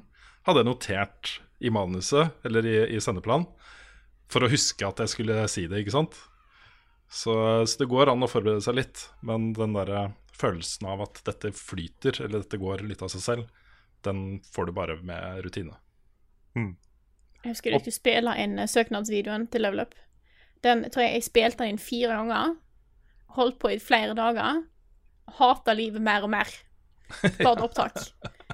Eh, jeg husker at jeg på en måte hadde filmet noe så gikk jeg ut i stua og bare skreik. Jeg var sånn, nå, nå er jeg lei, nå vil jeg ikke mer. Det var så fælt det var å være på kamera. Eh, men det òg kom seg. Jeg Mm. spilte inn fra seerne noe rett før vi begynte. Det var sånn, ja, da gjør vi det. Mm. Prøv å Det. begynne med å finne den tingen du er mest komfortabel med. Altså det, Hvis det er eh, streaming, finn det spillet du, er, du kan mest om, f.eks. Mm. Der du føler du har mye å prate om. Min første Let's Play av Portal 1, eh, første episode, spilte jeg inn tre ganger. Ja. Så jeg var ikke fornøyd de to første. Ikke spill skrekkspill hvis du blir stille når du blir redd. Det er også sant. Da er fælt å sitte der og er livredd, og du har ikke lyst til å si et ord, men du er nødt til å fylle stillheten med et eller annet. Mm. Eh, så da er tips. Og så er det jo eh, fristende for mange sannsynligvis å bare hoppe på det spillet som alle er opptatt av. Nå for tiden er det jo Fortnite, det har vært andre spill før. Hvis du er helt fersk i gamet, liksom, og ikke um, har mange followers fra før, så kommer du ikke til å få det med Fortnite heller. Så det du sa, Carl, om å finne et spill som du er komfortabel med, og som du har mye å snakke, si om, og du kjenner godt, uh, for å skaffe deg erfaring, er nok mye lurere. Og så kan du begynne å streame Fortnite med den erfaringen du har fått, og kanskje dra nytte av at eh, det er mange som er interessert i det, ikke sant? Mm. Helt sant. True that. For det er ikke alle som er ninja og tjener 500 000 dollar i måneden. Nei, Det har han har klart seg. Det er ekkelt, faktisk. Åh, det, er, det er faktisk litt ekkelt. Det er det. Ja. Jeg har i det minste hørt at han er ganske ålreit. Jeg har ikke Mm, sett på sjøl, men eh, det er i hvert fall bra, det her. Ja, jeg sier ikke han er ekkel, jeg syns det er bedre enn Nei, men ja, det er- det er 500 sånn. millioner. Nei, 500 millioner, 500 000 dollar. Utrolig mye penger, ass. Ja, det er er litt sånn Hollywood-skuespillere og sportsstjerner. Sånn, mm, trenger så mye penger? Hvis noen, eh, hvis noen vet at han trenger å eh, bruke pengene sine på et eller annet, så har vi en patron, så da kan du få, familien ja. til å gå inn og donere der. If you're listening to this ninja, we uh, could use some uh, extra money. We don't need all of the $500,000 dollars, we only need about a Half. couple of ha- half would be good, yes, please. oh, nei da. Jeg har et eh, spørsmål her fra eh, Svein Risa. Kjør på. Bank Ja, guy. bank guy! Bank Bank guy. guy. Hallo, det er Svein. kult at vår bank guy backer oss på Patreon. Det, Patreon, det må jeg si er uh, ganske fett. Ja. Um, og det var vel sannsynligvis det som kom først, da. Det var ikke det at han var vår bank guy, og så fant ut hva vi gjorde, og så begynte å se på de tingene vi lager. Nei, det tror jeg ikke. Nei. Men han spør, jeg gir han dette her, fordi det er vår bank guy. Ja, Så lett er det å kjøpe tiden vår, liksom. Eh, hva sies dere om at DNB har inngått sponsoravtale med e-sportlaget Nordavind? Jeg er ikke helt objektiv, men synes dette er dritkult. og grunnen til at eh, For to ting. er ene, ja, det er kult. Det er kult at store firmaer oppdager e-sport og oppdager spill og uh, velger å bruke penger på det. Det, det trenger vi. Altså, det er viktig. Så det er kjempebra. Uh, men det jeg syns er kult, er at her har du ikke sant, Svein Risa, som sitter på det kontoret sitt på DNB og er superinteressert i spill. Og så gjør jobben hans noe med det, liksom. Og så, som han kan identifisere seg med, og han syns er kult. da Jeg syns bare det bildet er litt, uh, litt kult. Så jeg ville bare nevne det. Helt enig. Yeah. absolutt. Mm. Jeg fant et spørsmål her uh, fra Rune Jacobsen som ikke jeg vet helt hvordan vi skal håndtere. Nice. Kjør på. Fordi uh, det begynner med dagens Sinfor kolon. Oi! Ja, det er, det er bare, det er bare Sinfor som kan ha ukens Ja, Sinfor. ja for det, nå ble jeg litt usikker. Vi kan ta sånn Sånn usikker Sinfor-theme. Eh, Nei, Sinfor er Sinfor. Ja, ja. Men det var et godt forsøk. Ja.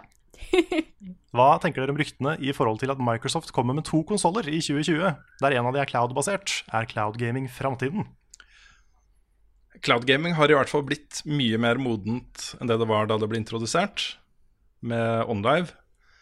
Um, Så ja, der kommer det til å skje ting.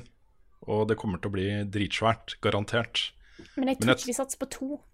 Ah, Nei, jeg vet ikke. Altså, det, det går rykter om at de jobber med en cloud-konsoll. Ja. det går rykter om at de jobber med mange konsoller. At de Ja. altså Se på Xbox som mer en plattform som kan liksom puttes inn på alt mulig rart. Men tenker de én stasjonær og én håndholdt, da, kanskje? Ja, hvis ikke de tenker håndholdt etter suksessen med Switch, så Ja, skjønner jeg ingenting. Hmm. Men jeg, jeg er litt skeptisk fortsatt. Jeg føler at det er fortsatt litt tidlig. Det er fortsatt så mye lag, så mye dårlige connections der ute, at jeg vet ikke om det er tid for det helt ennå. Med mindre du da kan laste ned spilla og spille de lokalt. Mm. Ja, for det er litt en eh, Vi som sitter med gode internettforbindelser og sånne ting, vi kan jo laste ned et helt spill på ganske kort tid. Og så under en time så har vi lastet ned hele spillet.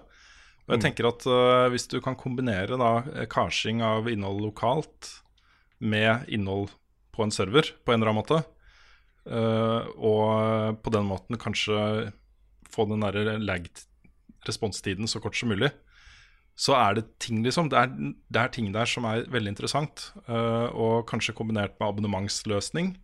Der har du jo Xbox GamePass, som er kjempebra. Um, så, så tror jeg det kommer til å bli ganske svært, altså. Det er gøy å se at de eksperimenterer med det. Mm. Men det at de kutter ut eh, disk drives, det føler jeg er eh, Det nærmer seg. Ja, ja. Det gir Mm. det veldig mening. Mm. Selv om for, det fortsatt er veldig mange som er glad i å kjøpe spill fysisk, så blir det jo stadig færre av de. Mm. Jeg var der veldig lenge, og så har jeg slutta med det med åra. Mm. Jeg vet ikke helt når det skjedde, egentlig. Plutselig bare så innser jeg at jeg har veldig mange av de spillene jeg spiller digitalt. Det der skjer plutselig, da. Og når det først har skjedd, så kommer du ikke tilbake. Nei, de Nei. spillene jeg har fysisk, er det jeg har fått til jul. Eller de som jeg får tilsendt. Mm. Hvis vi ikke har fått kode. Ja, For meg så skjedde det da, fyll, da hylla begynte å fylle seg opp. Da fylla begynte å hylle seg opp. Da fylla begynte å hylle seg opp, og da, da har jeg ikke, nå har jeg ikke plass til flere spill. Uten å få flere hyller. Så det er helt greit for meg. Så hos deg så er det alltid 2004. 2005. Ja. Yes. Ja, det ble helt stille her. Det ble veldig stille. Det er Ja, sånn- har vi noen flere spørsmål? Jeg kan ta et fra Espen Sandnes eh, Sørensen her. Eh, han lurer på hva vår erfaring med Halo-serien er. Eh, hva slags forventninger eller håp har dere for Halo Infinite? Jeg er selv blodfan av serien, men har ikke spilt noe på en stund siden Halo 5 var en skuffelse for meg. Håper at Halo Infinite kan tenke nytt og kreativt rundt Halo-universet. Uh, ja. Vi vet jo ikke så mye om Halo Infinite ennå. Vi fikk jo bare se en, eh, en trailer på E3 hvor de viste fram De var på en Halo, på en ring. Ringverden. Uh, og det var stå, så liksom stort og flott ut, men det er det vi vet. Det de har sagt i tillegg, er jo at, uh, at eh, de ønsker å lage liksom den ultimate Halo-opplevelsen, og det er en sånn derre bla, bla, bla. Ja, det er det, det ikke sant? Selvfølgelig ønsker de å lage den ultimate Halo-opplevelsen. Um, men det er ting som tyder på at de tar det på alvor, da. At de virkelig virkelig anstrenger seg for å lage et bra Halo-spill igjen. For Halo 5 var en skuffelse. Det var ikke på langt nær like bra som de andre spillene i serien. Uh, så jeg håper, jeg håper at det blir et spill fylt av eventyr og wonder og utforsking av uh, fantastiske steder og, og sånt. At ikke det blir så gritty uh, som den serien utvikla seg til å bli. Det blir liksom penere farger og større områder og sånne ting, liksom. Halo er en serie jeg ikke har noe forhold til. Jeg har uh, testa det én gang hos en eh, kompis av meg for mange, mange, mange, mange, mange år siden. Da er da. Mm. Det er egentlig liksom mm. Men det er jo litt fordi at jeg var jo aldri inne i skytespillsjangeren. Har aldri vært det heller. Nei, jeg spilte Halo litt i coop. Uh, Syns det var kult, det, altså. For det var jo Mm. noe av det kule med det det første spillet, var at du kunne spille hele campaignen Mm. som to spillere. Mm. Så en fin Yep. måte å få med seg storyen på. Mm. Det var løst litt rart, da, fordi begge var jo Master Chief. Ja, ja det er veldig spesielt. Mm. Så- Det er sånn som det er samme som NAC. Ja, NAC 2. Der er begge NAC. ja, ja men det går fint. Ja, ja. Du, du, det kan være to nekk. Ja. Mm. Og så, blir, så fuser de sammen til én Mac med to forskjellige farger på slutten. Ja. Eller på sånn av og til. Det, det var kult. Jeg vet ikke om dette er ønsketenkning fra min side, eller om, eh, om det bare er uh, tegn i tiden som tyder på det. Men det, for meg så virker det som om Microsoft nå virkelig tar de eksklusive spillene deres på alvor igjen. At de virkelig, virkelig skjønner betydningen av å ha killer-eksklusive spill. Eh, og i den sammenheng så er jo Halo dritviktig. Så um, ja.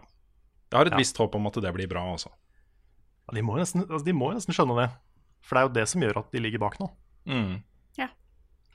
Det er jeg ganske sikker på. Jupp. For um, ja, Frida, Hei!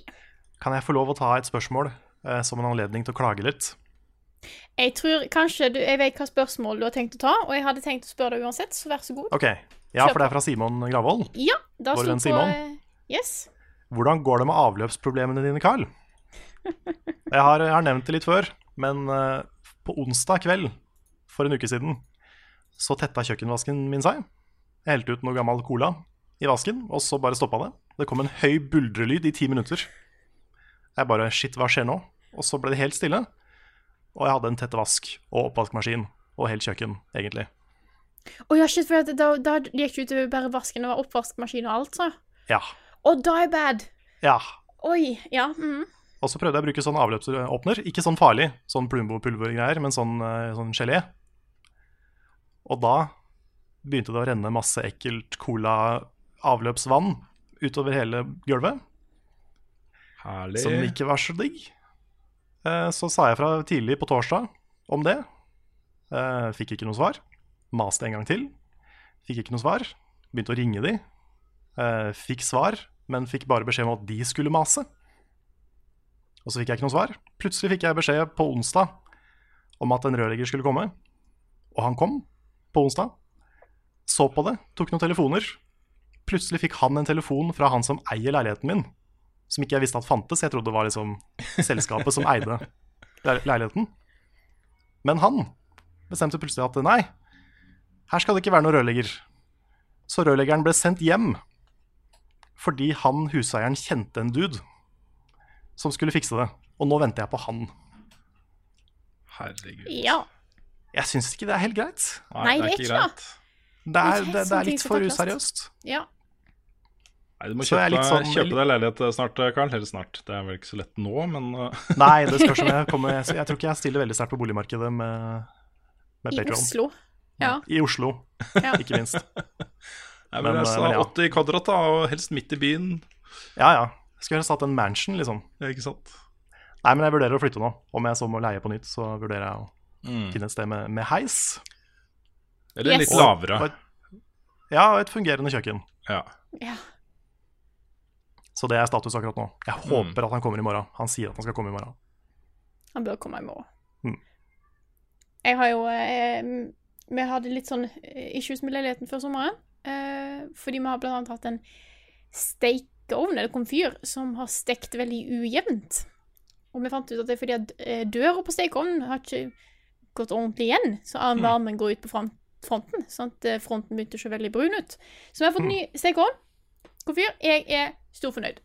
Jeg bare får uttrykt min glede av å få en ny komfyr. Eh, vi har gått fra sånne gamle jernplater på toppen til keramisk topp. Det er en ny verden. Hmm. Det, det er fint. Så det var bare noe jeg bare kom på det nå. Da, Men det er bra. Ja. Jeg kan også legge til at alt er tilgitt hvis jeg får redusert husleie den måneden her. ja. Hvis, Men hvis, hvis jeg sier ja til det, så, så er det greit. Mm. Men da tror jeg det er et krav. Jeg veit ikke. Jeg, jeg, nei, det, ikke, det er ikke sikkert det er et krav, men jeg vet at det er noe med dersom boforholdene blir redusert, så har du kanskje rett på å minke leia. Hmm. Jeg husker ikke helt hvordan dette her er, men jeg har lest noe på det, og nå får jeg sikkert en drøss med kommentarer om bare sånn, enten så tar jeg, har jeg rett, eller så tar jeg feil.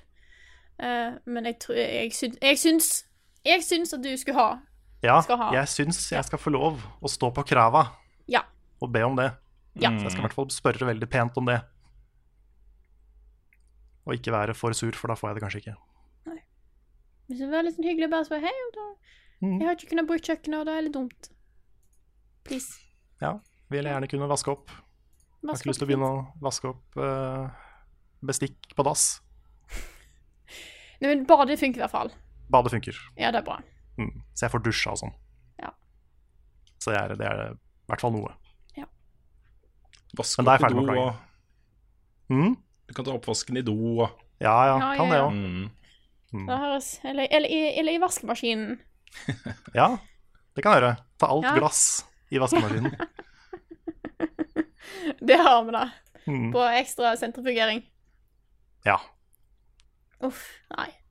Nei, Hvis ikke dere har noen flere spørsmål dere sitter og brenner inne med, Jeg så er fornøyd. tror jeg eh, Jeg ser Rune rister på hodet her. eh, Så tror jeg kanskje at vi tar og runder av denne podkasten og sier Vel, begynner med å si tusen takk til alle som støtter oss på Patron. Dere er fantastiske folk, eh, og jeg tror ikke vi kan takke dere nok for den støtten dere gir. Vi kunne ikke klart oss uten dere. Det kunne vi ikke. Absolutt ikke. Kan vel også Og vi kan legge ikke til takke dere nok. Nei, det kan vi ikke. Kan også legge til at, um, at vi er, har en veldig spennende høst. For oss, liksom. For hele selskapet og for eh, Level Up Norge og podkaster og alt mulig rart. Uh, vi kommer snart med en uh, solid oppdatering på hva som skjer i høst. Uh, med tanke på hva vi skal lage, eh, hvordan det går med oss osv. Men det ligger liksom nå bare noen uker fram i tid. Så bare så folk vet det, at eh, her kommer det til å skje ting. Og så jobber vi også litt med å fikse og Sånn at alle får de rewards som de skal ha. Ja. ja, for det er noen eh, Vi mangler en del adresser for å sende Ja. ut eh, rewards på Patreon. Så hvis du er en av de som, eh, som skal ha en sånn reward, lifetime reward på Patreon, så kommer vi til å sende en ny melding ut, be om adresser. Mm. så stay tuned for den. det. Svar Ja, på den, vel. så får dere det dere har blitt lova av oss. Så Mm. Yes. Yes. Men Det er mange, mange pakker som skal sendes ut. Ja. Da, da, da blir en jobb. Det gjør det. Det blir en spennende ikke- dag på posten. Ja. da blir det. Er- det blir interessant. Hmm. Men med det så tror jeg at vi takker for oss for denne gangen. Takk for at du hørte på denne episoden av Level Backup. Og så snakkes vi igjen til en vanlig standardepisode med oss tre neste uke.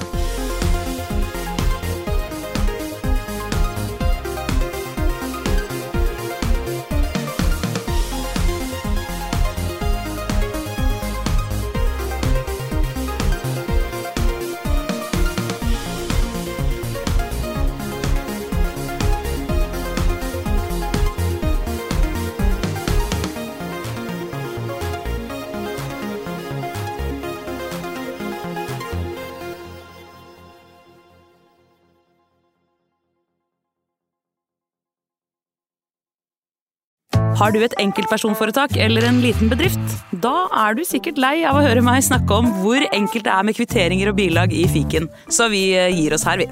Fordi vi liker enkelt. Fiken superenkelt regnskap.